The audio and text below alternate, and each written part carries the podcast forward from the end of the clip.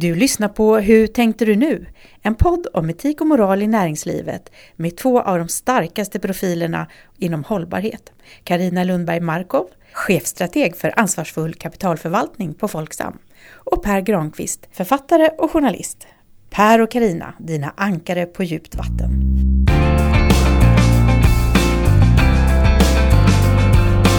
Hur tänkte du nu?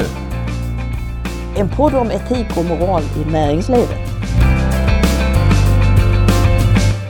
Ja, Karina, det är dags för säsongsavslutning av den här första säsongen. Ja. Det är nio avsnitt har gått, det här blir det tionde. Jag har eh, en grej jag tänkte skulle prata om här. Jag läste en enkät som gjort inför G7-mötet som var i slutet av maj. Med liksom det var 8000 invånare i USA, Kina, Indien, Storbritannien, Australien, Brasilien, Sydafrika och Tyskland.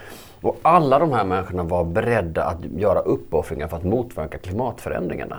Alltså nästan 90 procent uppgav att de kan tänka sig lite sänkt levnadsstandard för att dra sitt strå till stacken. Jag blir lite förvånad. Jag tycker man brukar höra om att folk inte gör det. Vad tänkte du när du hörde det? Låter lite mycket tycker jag. Jag är lite lätt skeptisk också för jag skulle veta hur man formulerade frågan. Det är så lätt att man svarar ja till eh, allting som verkar grönt och som, vill du ha fred på jorden till exempel? Eh, hur många säger nej då? Eh, så att man ska vara lite skeptisk men samtidigt så kan vi se att det är en trend att eh, eh, när det gäller eh, hållbarhet, när det gäller grön ekonomi, då, då går i många fall konsumenterna fortare fram än politikerna. Så att det, det är inte bara drivet av politikerna längre utan det här är någonting som är djupt känt eh, i många olika länder, på, i många olika samhällsklasser. Sen är ju frågan också vad vi menar med liksom sänkt levnadsstandard. Det vill väl liksom ingen ha kan jag tänka mig. Utan det måste vara något i stil med att liksom en förändrad standard som är klimatsmartare eller något i den stilen. Allting beror ju på vad man utgår ifrån också. Men om du och jag eh, får lite sänkt standard så Mm, skitsamma. påverkar det ju, det, vi kanske inte ens märker det.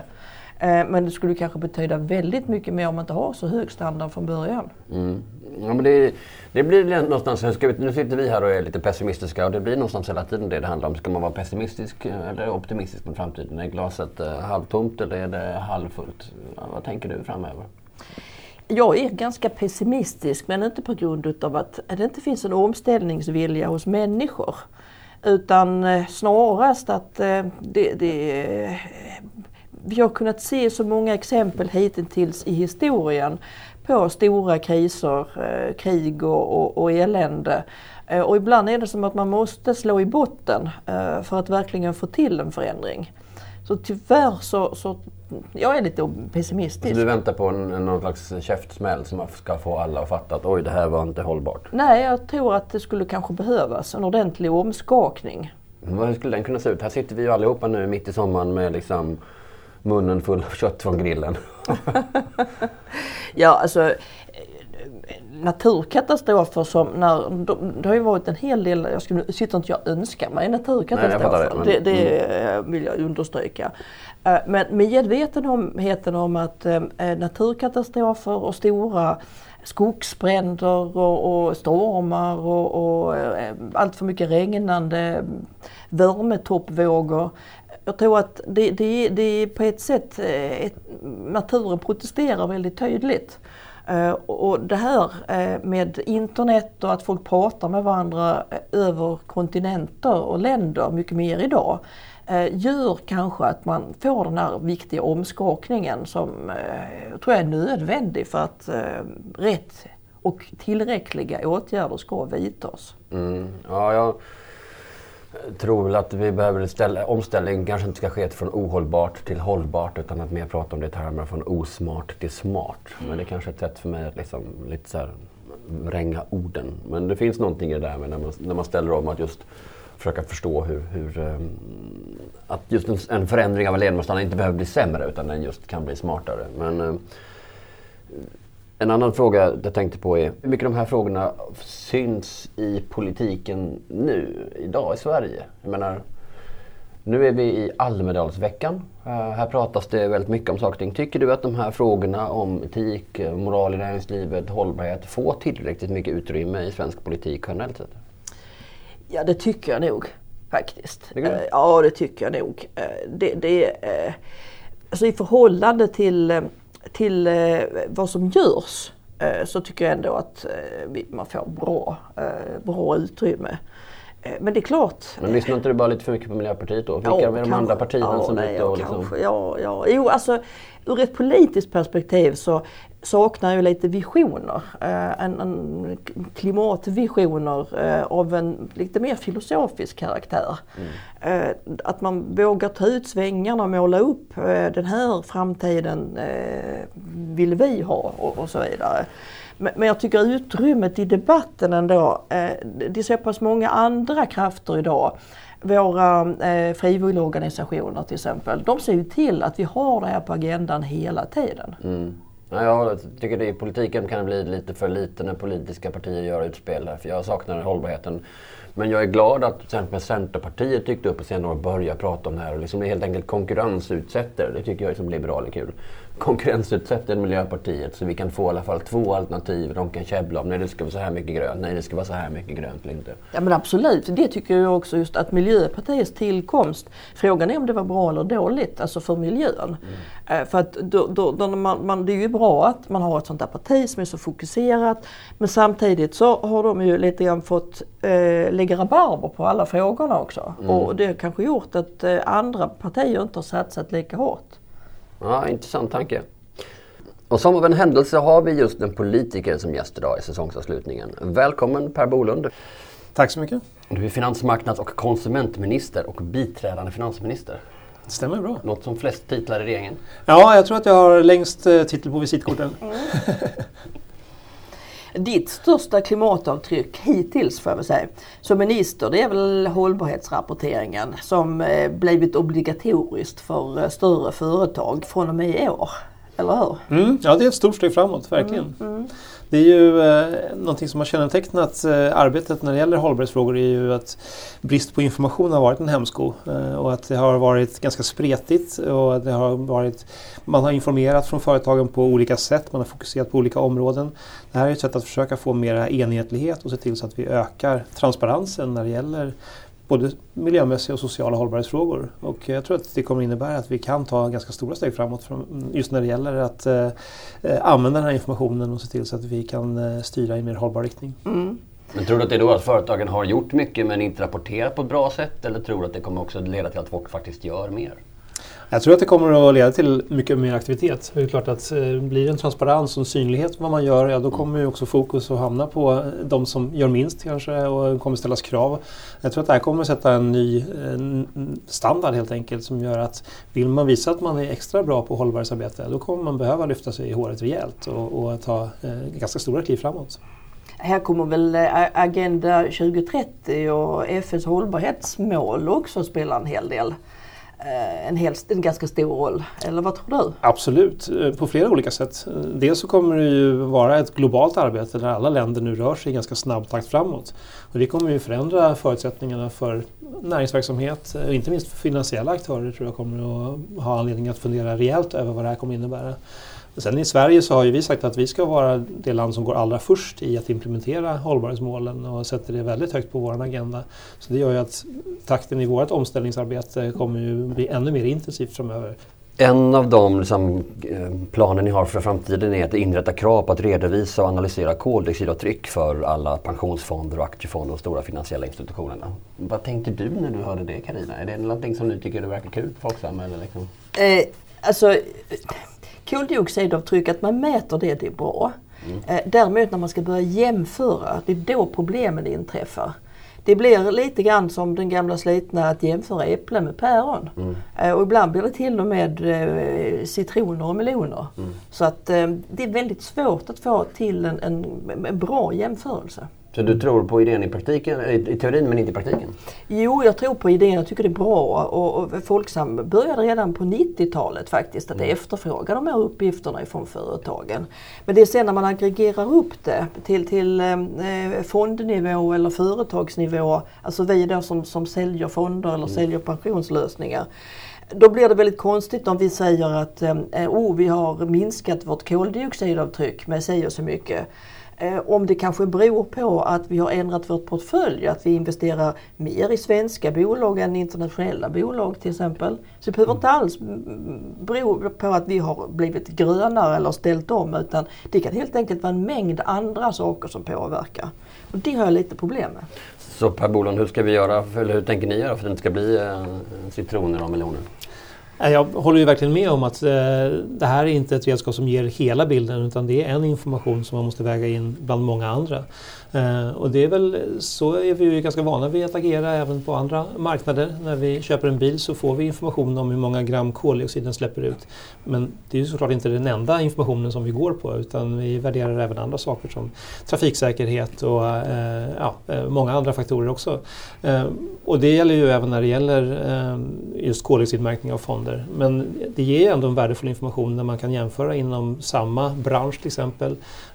Om det är Nordamerikafonder länder så kan man jämföra koldioxidfotavtrycket och se att här finns det faktiskt olika alternativ som har lite olika eh, effekt. Eh, och även när det gäller liksom, eh, branscher, industrifonder eh, så kan man även där jämföra. Eh, men man ska inte tro att det är liksom full, fullödig information som ger en eh, all, all input man behöver för att fatta beslut utan man måste väga det även mot andra. Så argumentet är det är i alla fall bättre än ingenting? Mycket bättre än ingenting. Speciellt när vi nu också börjar att komma till en situation där man har samma metod för att mäta eh, ett fotavtryck. För då ökar ju just jämförbarheten mellan olika aktörer. Härom, härom veckan så hade vi Claes Eklund, eh, hållbarhetsekonom på SEB som gäst. Eh, och då pratade vi förstås om, om gröna obligationer och, och andra sätt som finansmarknaden eh, kan vara med och påverka klimatarbetet. Eh, hur tycker du att eh, finansmarknaden generellt sett klarar av att eh, vara en del av det jobbet? Man kan väl konstatera att finansmarknaden har väl inte varit den bransch som har varit först ut med att se de här utmaningarna och möta dem utan man har snarare varit ganska långsamma i starten. Men å andra sidan så när, när det väl börjar hända saker så har finansmarknaden det kännetecknat då händer det väldigt mycket på väldigt kort tid och där tror jag att vi är just nu. Nu är det lite den här catch-up-effekten där väldigt många agerar. Man ser att det finns stora värden i att också bli bättre på sitt hållbarhetsarbete. Inte minst för att kunderna förväntar sig det. Men också för att eh, den här gamla myten som har florerat alldeles för länge tycker jag att man måste välja mellan lönsamhet och hållbarhet. Och att ja, man, fokuserar man för mycket på, på hållbarhet så kommer det gå ut över lönsamheten. Det där kan ju alla se nu att det stämmer inte. Utan tvärtom så sköter man inte sitt hållbarhetsarbete då kommer man inte kunna leverera avkastning och då kommer man förlora i den, den internationella konkurrensen. Så att eh, de företag som faktiskt tar de här frågorna på största allvar är faktiskt också de som har bäst förutsättningar att lyckas. Och det är klart att det sporrar ju eh, ledningarna att faktiskt eh, driva de här frågorna ännu hårdare framöver. Jag skulle vilja hoppa in och ta en lite, gå tillbaka lite till gröna mm. obligationer. Mm. Eh, vi har ju i Folksam så har vi ju eh, satsat stort på gröna obligationer eh, under det senaste året och jag tror vi har varit definitivt Sveriges största köpare. Och det har framförallt då handlat om, om gröna obligationer utgivna av kommuner. Mm. Och det är ju jättebra, vi ser det som en mycket bra eh, sak. Eh, både för oss och för kommunerna och för spararna. Men när kommer vi att få statligt garanterade gröna obligationer? Jag har ju kunnat se att det har börjat komma i Frankrike, i Polen, eh, Nigeria har jag hört. Eh, men Sverige, det verkar inte direkt stå på agendan. Jag vet ju att efterfrågan finns ju där och eh, skulle vi ge ut en grön statlig obligation så är jag övertygad om att det finns ett enormt eh, intresse på marknaden för att köpa den.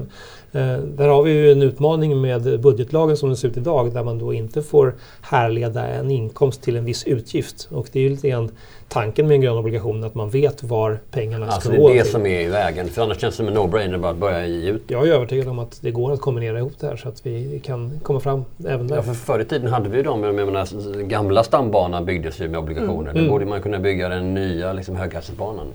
Ja, det är ju ett exempel eh, och jag vet ju också att det finns ett stort intresse från till exempel våra pensionsfonder och pensionsförvaltare överhuvudtaget att eh, kunna gå in till exempel finansiera infrastruktur och då är ju gröna obligationer ju ett väldigt bra redskap för att kunna göra en sån insats. Ni vill ju också att liksom alla de statliga AP-fonderna ska bara ha hållbara investeringar och fasa ut liksom allt det, det dåliga. Hur, vad är tidshorisonten på det? Där tar vi nu stora steg framåt inom ramen för pensionsgruppen. Eh, där är sex partier som jobbar tillsammans för att eh, skapa stabilitet i pensionssystemet.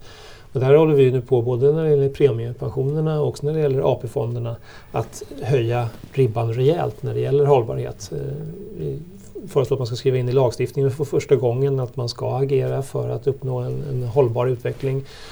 Och där ser vi också just att genom att göra det så är vi övertygade om att vi också minskar riskerna i pensionssystemet och eh, har potential att öka avkastningen och skapa mervärde för pensionärerna. Vi ser det ju inte som att eh, genom att prioritera hållbara investeringar att man därmed tar en ekonomisk risk utan vi tror att den ekonomiska risken i dagens och framtidens värld kommer vara när man inte tar hållbarhetshänsyn, när man inte investerar med hållbarhet i fokus. För då tar man på sig eh, klimatrisker som kommer att vara ganska dyrbara. Vi, vi har redan sett hur enormt stora marknader kan gå igenom eh, enormt snabba transformationer.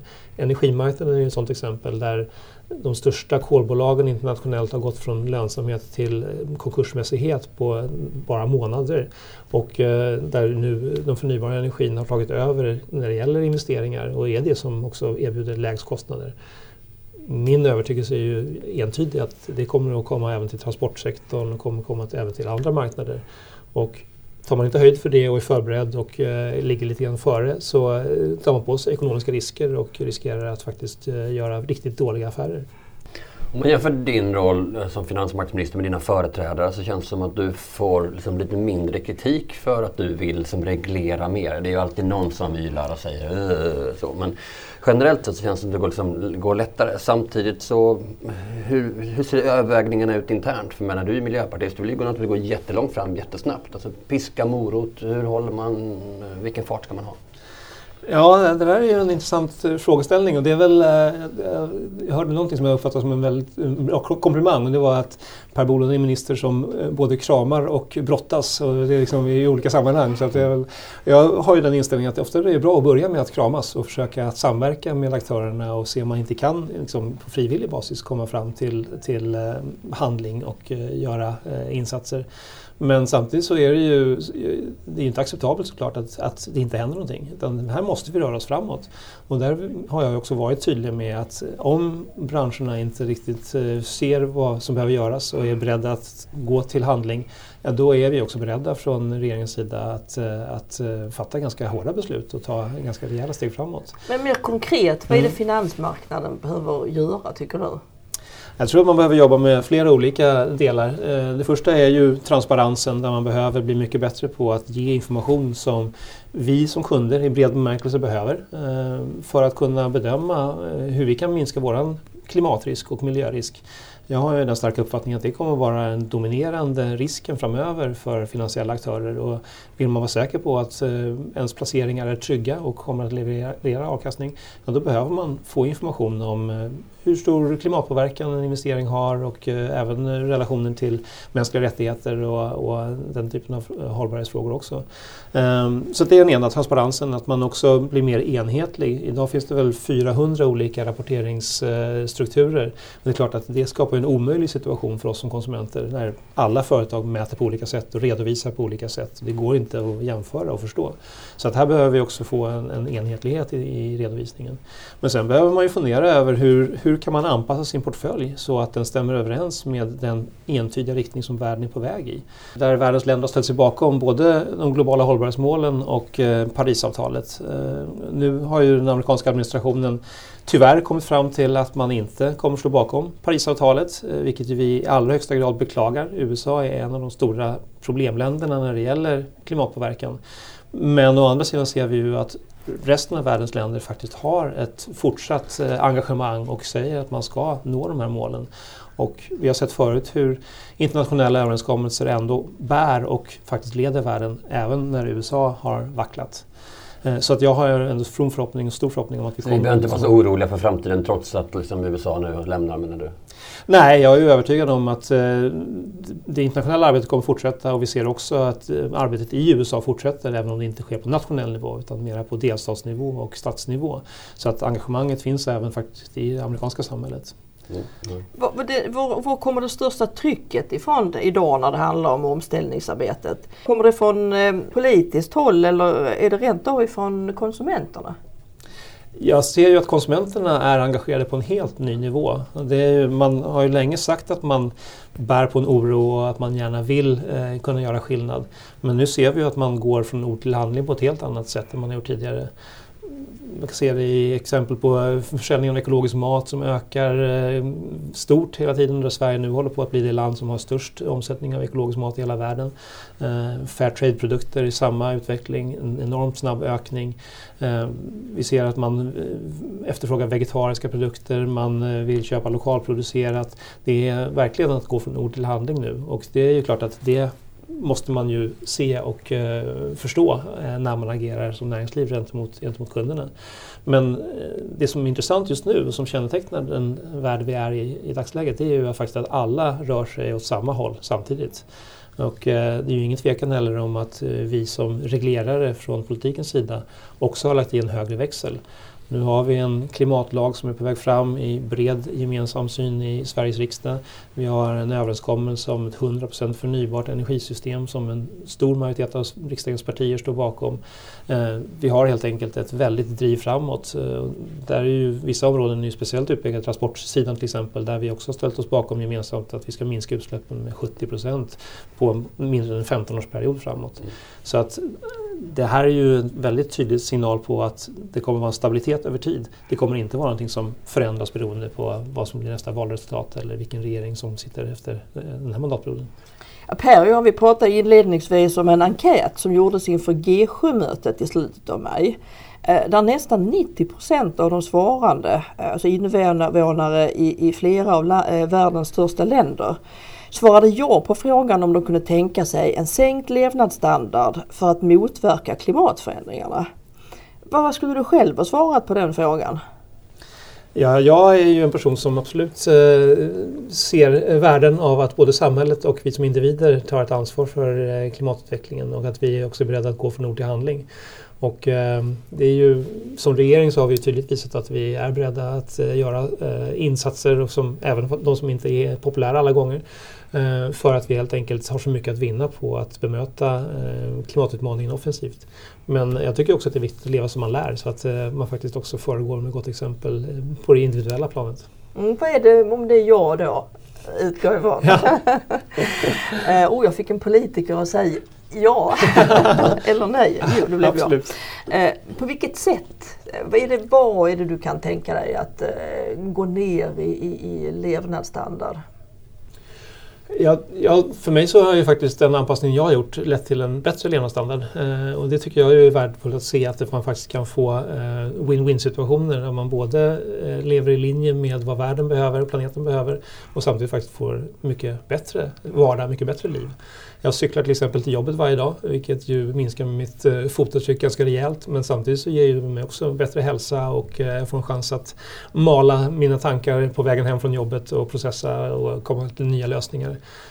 Ehm, det är ju, för mig är det ju ett sätt att förenkla också min vardag när jag i eh, matbutiken eh, väljer de miljömärkta produkterna och de hållbara produkterna så eh, minskar det min vånda och min tid när jag ska stå i de svåra valsituationer som man ibland hamnar i som konsument.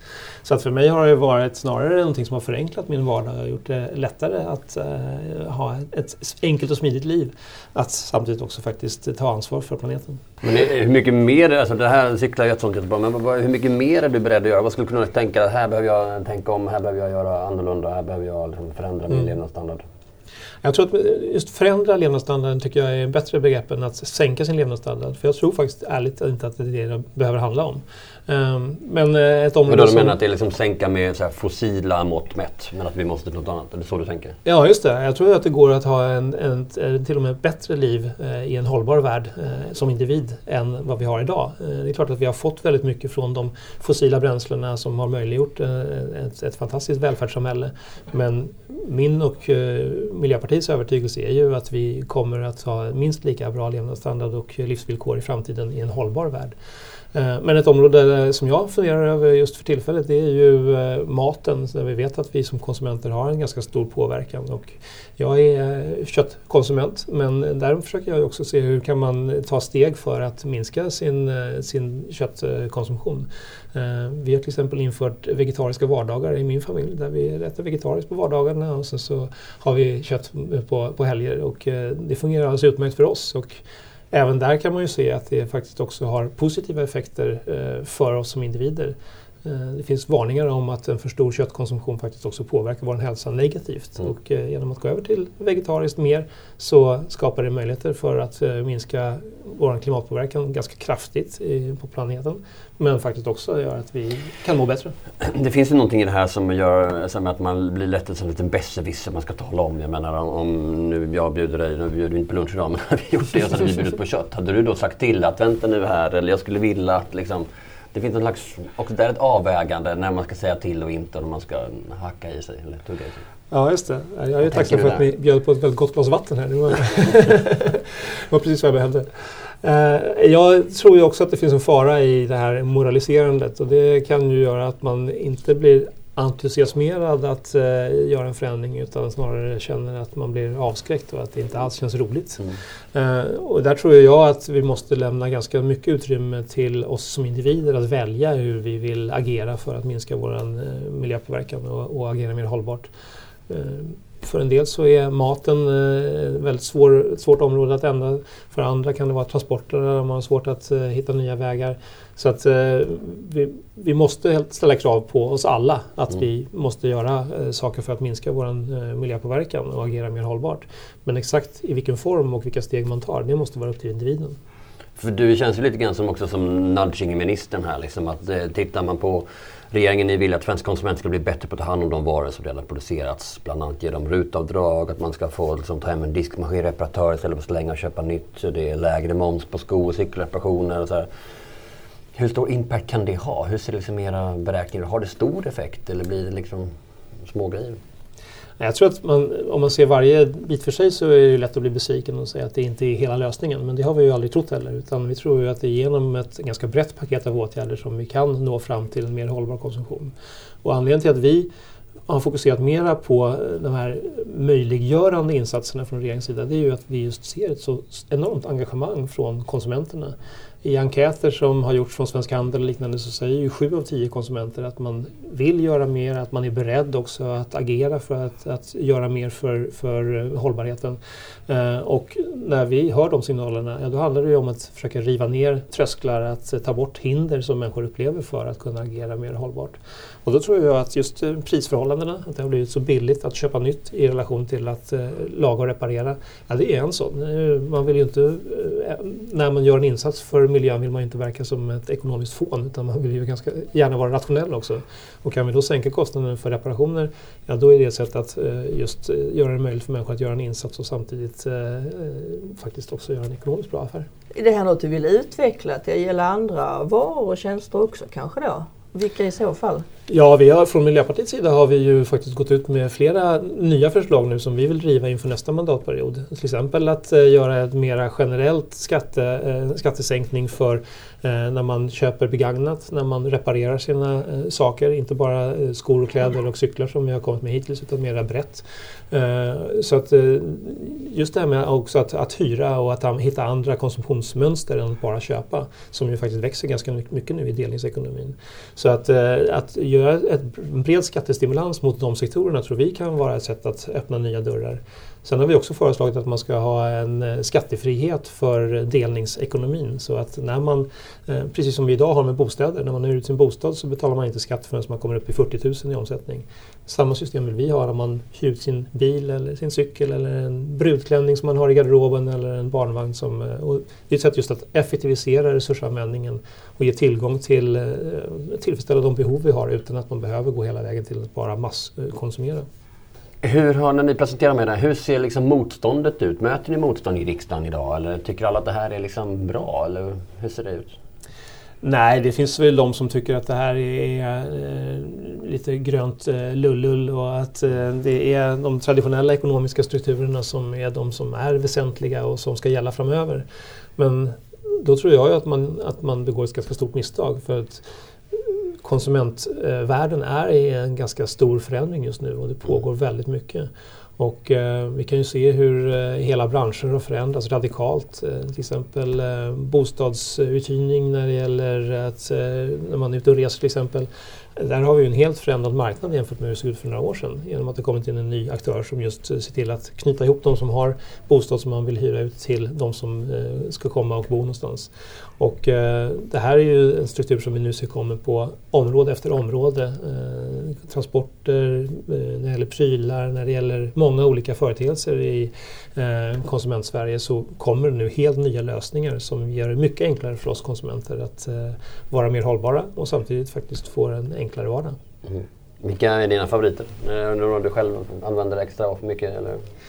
Jag tycker ju till exempel bilpooler är en fantastisk innovation där man får tillgång till alla de tjänster som bilen kan erbjuda utan att man behöver gå hela vägen till ägande och allt det har vi förstått, men använder du bilpool? Jag har, eh, jag har anmält mig till en bilpool. Tyvärr så är ju delningsekonomin bygger på att man har en kritisk massa tillräckligt många i samma område vill eh, göra gemensam sak. Eh, faktiskt när jag flyttade in i mitt villaområde, det första jag gjorde var att ringa runt till eh, grannar och de som jag kände och fråga ska vi inte starta en bilpool tillsammans? Tyvärr så var engagemanget eh, då inte särskilt stort så jag, jag fortsätter driva den frågan. Men eh, det skulle jag tycka var väldigt, eh, jag, jag är inte den som tycker att det är jättekul att eh, byta till vinter och sommardäck och sköta all administration och åka ut en tidig vintermorgon och stå i något gudsförgätet industriområde för att besiktiga bilen. Utan skulle jag kunna få den servicen så skulle jag jag tycker att det skulle underlätta min vardag väldigt mycket samtidigt som jag faktiskt har fortfarande tillgång till eh, transporttjänsten. Mm. Men här är du också en sån som går på second hand och eh, köper mycket grejer där eller hur förhåller du dig till din egen konsumtion? där? Ja, nej, men det är någonting som jag uppskattar. Liksom, Jag har ju inte en, en kroppsbyggnad som är liksom, eh, genomsnittet så att jag har ganska svårt att hitta snygga kostymer och liknande på second hand. Men eh, slipsar till exempel är någonting som jag gärna fyndar på, på second hand-butiker. Och eh, sen när det gäller andra prylar så är jag som de flesta svenskar eh, Blocket-konsument och eh, hittar eh, den vägen att eh, konsumera begagnat. Um, Ehm, men jag tror ju att det här är någonting som, som bara har börjat och vi kommer att komma mycket längre framöver. Um, nu börjar vi se delningstjänster som uh, man, kan, man kan dela på i princip vad som helst. Uh, man kan eh, nu hyra en stege eller en släpvagn var som helst i, i eh, Sverige och man kan det senaste jag såg var att man kan dela hund till exempel. Det är också någonting nytt. Man kan, om man är intresserad av hundar men kanske inte vill gå hela vägen till ägaren så kan man gå in och dela istället med någon som, som har för mycket hund och kanske inte har riktigt tid att ta hand om den. Vad är bästa Blocket-fyndet egentligen? Ja, jag har köpt många saker men det är ju som, som eh, barnfamilj så är det klart att där, vi vet ju att eh, barnen växer ut sina kläder och sina leksaker i snabb takt och eh, då är det ju ett bra sätt att kunna se till så att man har en uppdaterad garderob och samtidigt också minska miljöbelastningen. Det är ju fantastiskt med att köpa av någon som har kläder över. Mm. Karin och jag pratade delningsekonomin generellt sett för, för några avsnitt sedan och då hade vi lite olika syn om det enbart är av godo. För det finns ju också allt det här elementet av dåliga anställningsvillkor, osäkra inkomster och vi har ju haft några sådana uppmärksammade i, här i Sverige under våren. Hur ser du på den utvecklingen?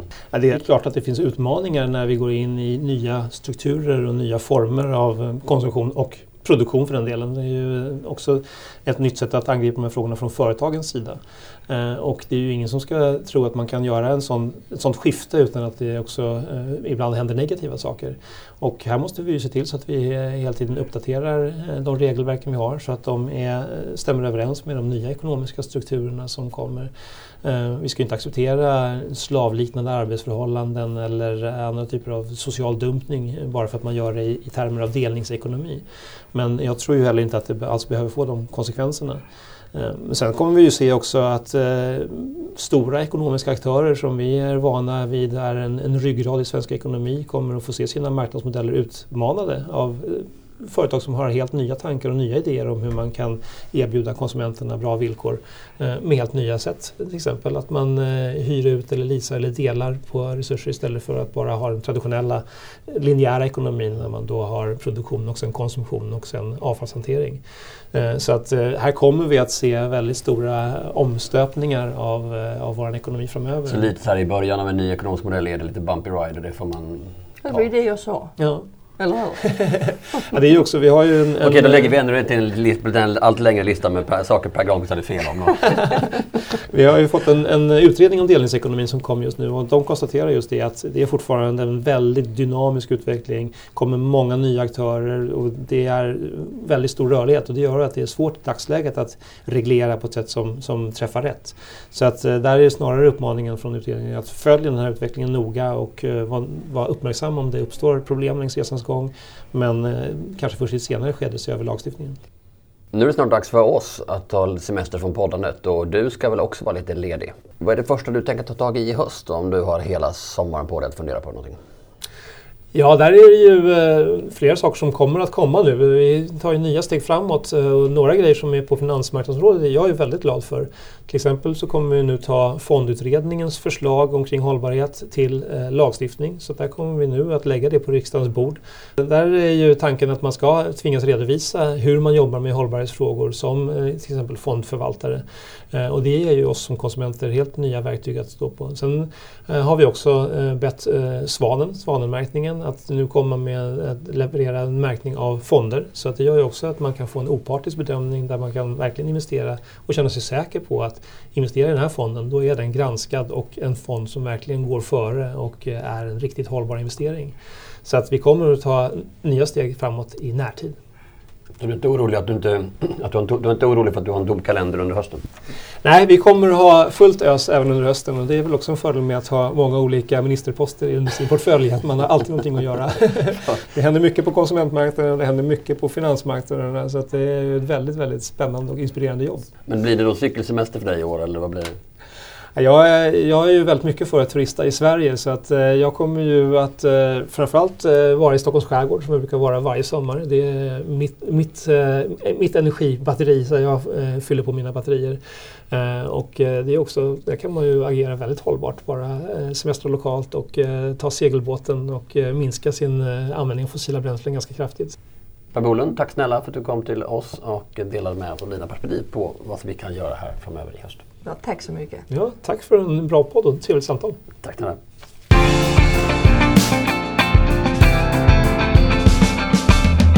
Per Bolund är ju inte en traditionell miljöpartipolitiker, tycker jag. Som, som mina fördomar säger att de, de ska ha mer eh, så här kläder som du brukar ha Per.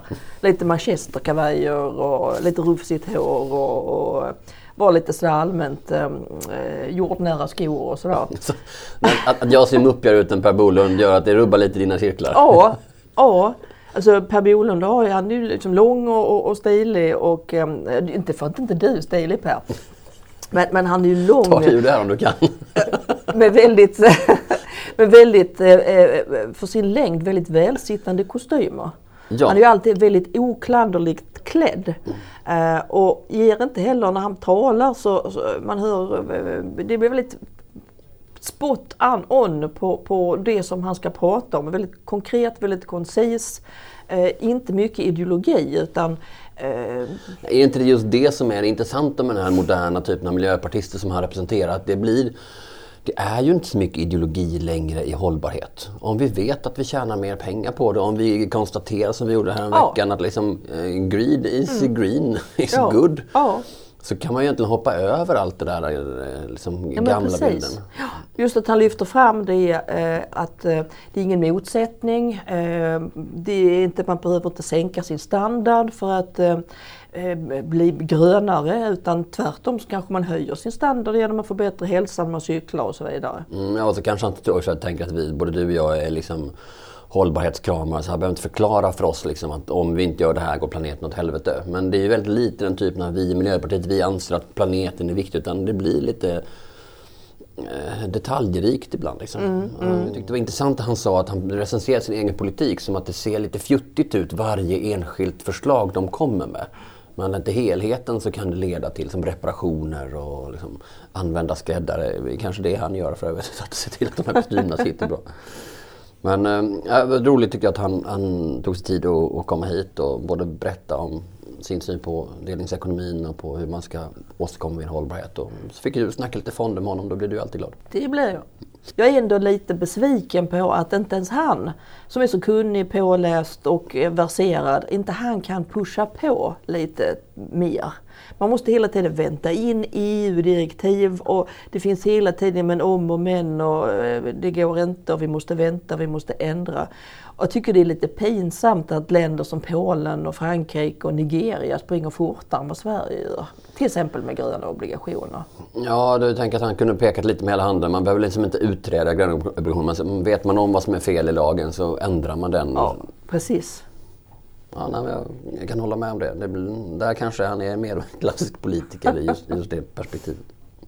Men nu är det ju sommarlov um, och frågan är vad som händer i sommar. Vi har ju Du som då står på pessimisthatten, då tänker du att det är hot om vattenbrist på många, större vattenbrist i många år. Du har ångest med flygresorna och kemikalier i solkrämer. Ja, det sammanfattar ganska, så lägg till lite äh, regniga äh, semesterveckor och lite maneter. Ja, men vi skulle, du skulle också vara på Bjäre och hembygden, där är det alltid fint väder. Ja, Den bilden måste vi pusha ut. det är ingen som har talat om för äh, mitt regnhål det. Att de, de borde uppföra sig. vad, är, vad är det semesterplanerna för, som du har? Jag ska definitivt vara i Sverige. Eh, jag ska inte röra mig många meter ifrån eh, mitt sommarhus. Eh, och förhoppningsvis så kommer det faktiskt att regna lite. Det kan vara bra att regna också. Varmt och regn, det gör nämligen att man får kantareller.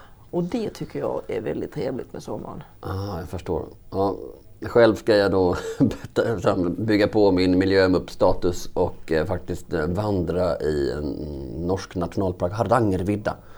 Så det blir knästrumpor och kanske myggmedel och eh, tält och sådär. Vi ser wow. mycket hållbarhet med. Jag ska sen ha bunkrat upp på eh, den här butiken på Söder som han som var gäst här för några veckor sedan. Eh, Adis Gladis. Där det finns nu termosar och allting med. Oh. Så att, Hoppas verkligen att du får en trevlig sommar eh, nu uppe i dina fjäll och att du inte blir helt uppäten utav eh, insekter. Jag ska göra vad jag kan och jag hoppas att du får tillräckligt mycket regn. Tack!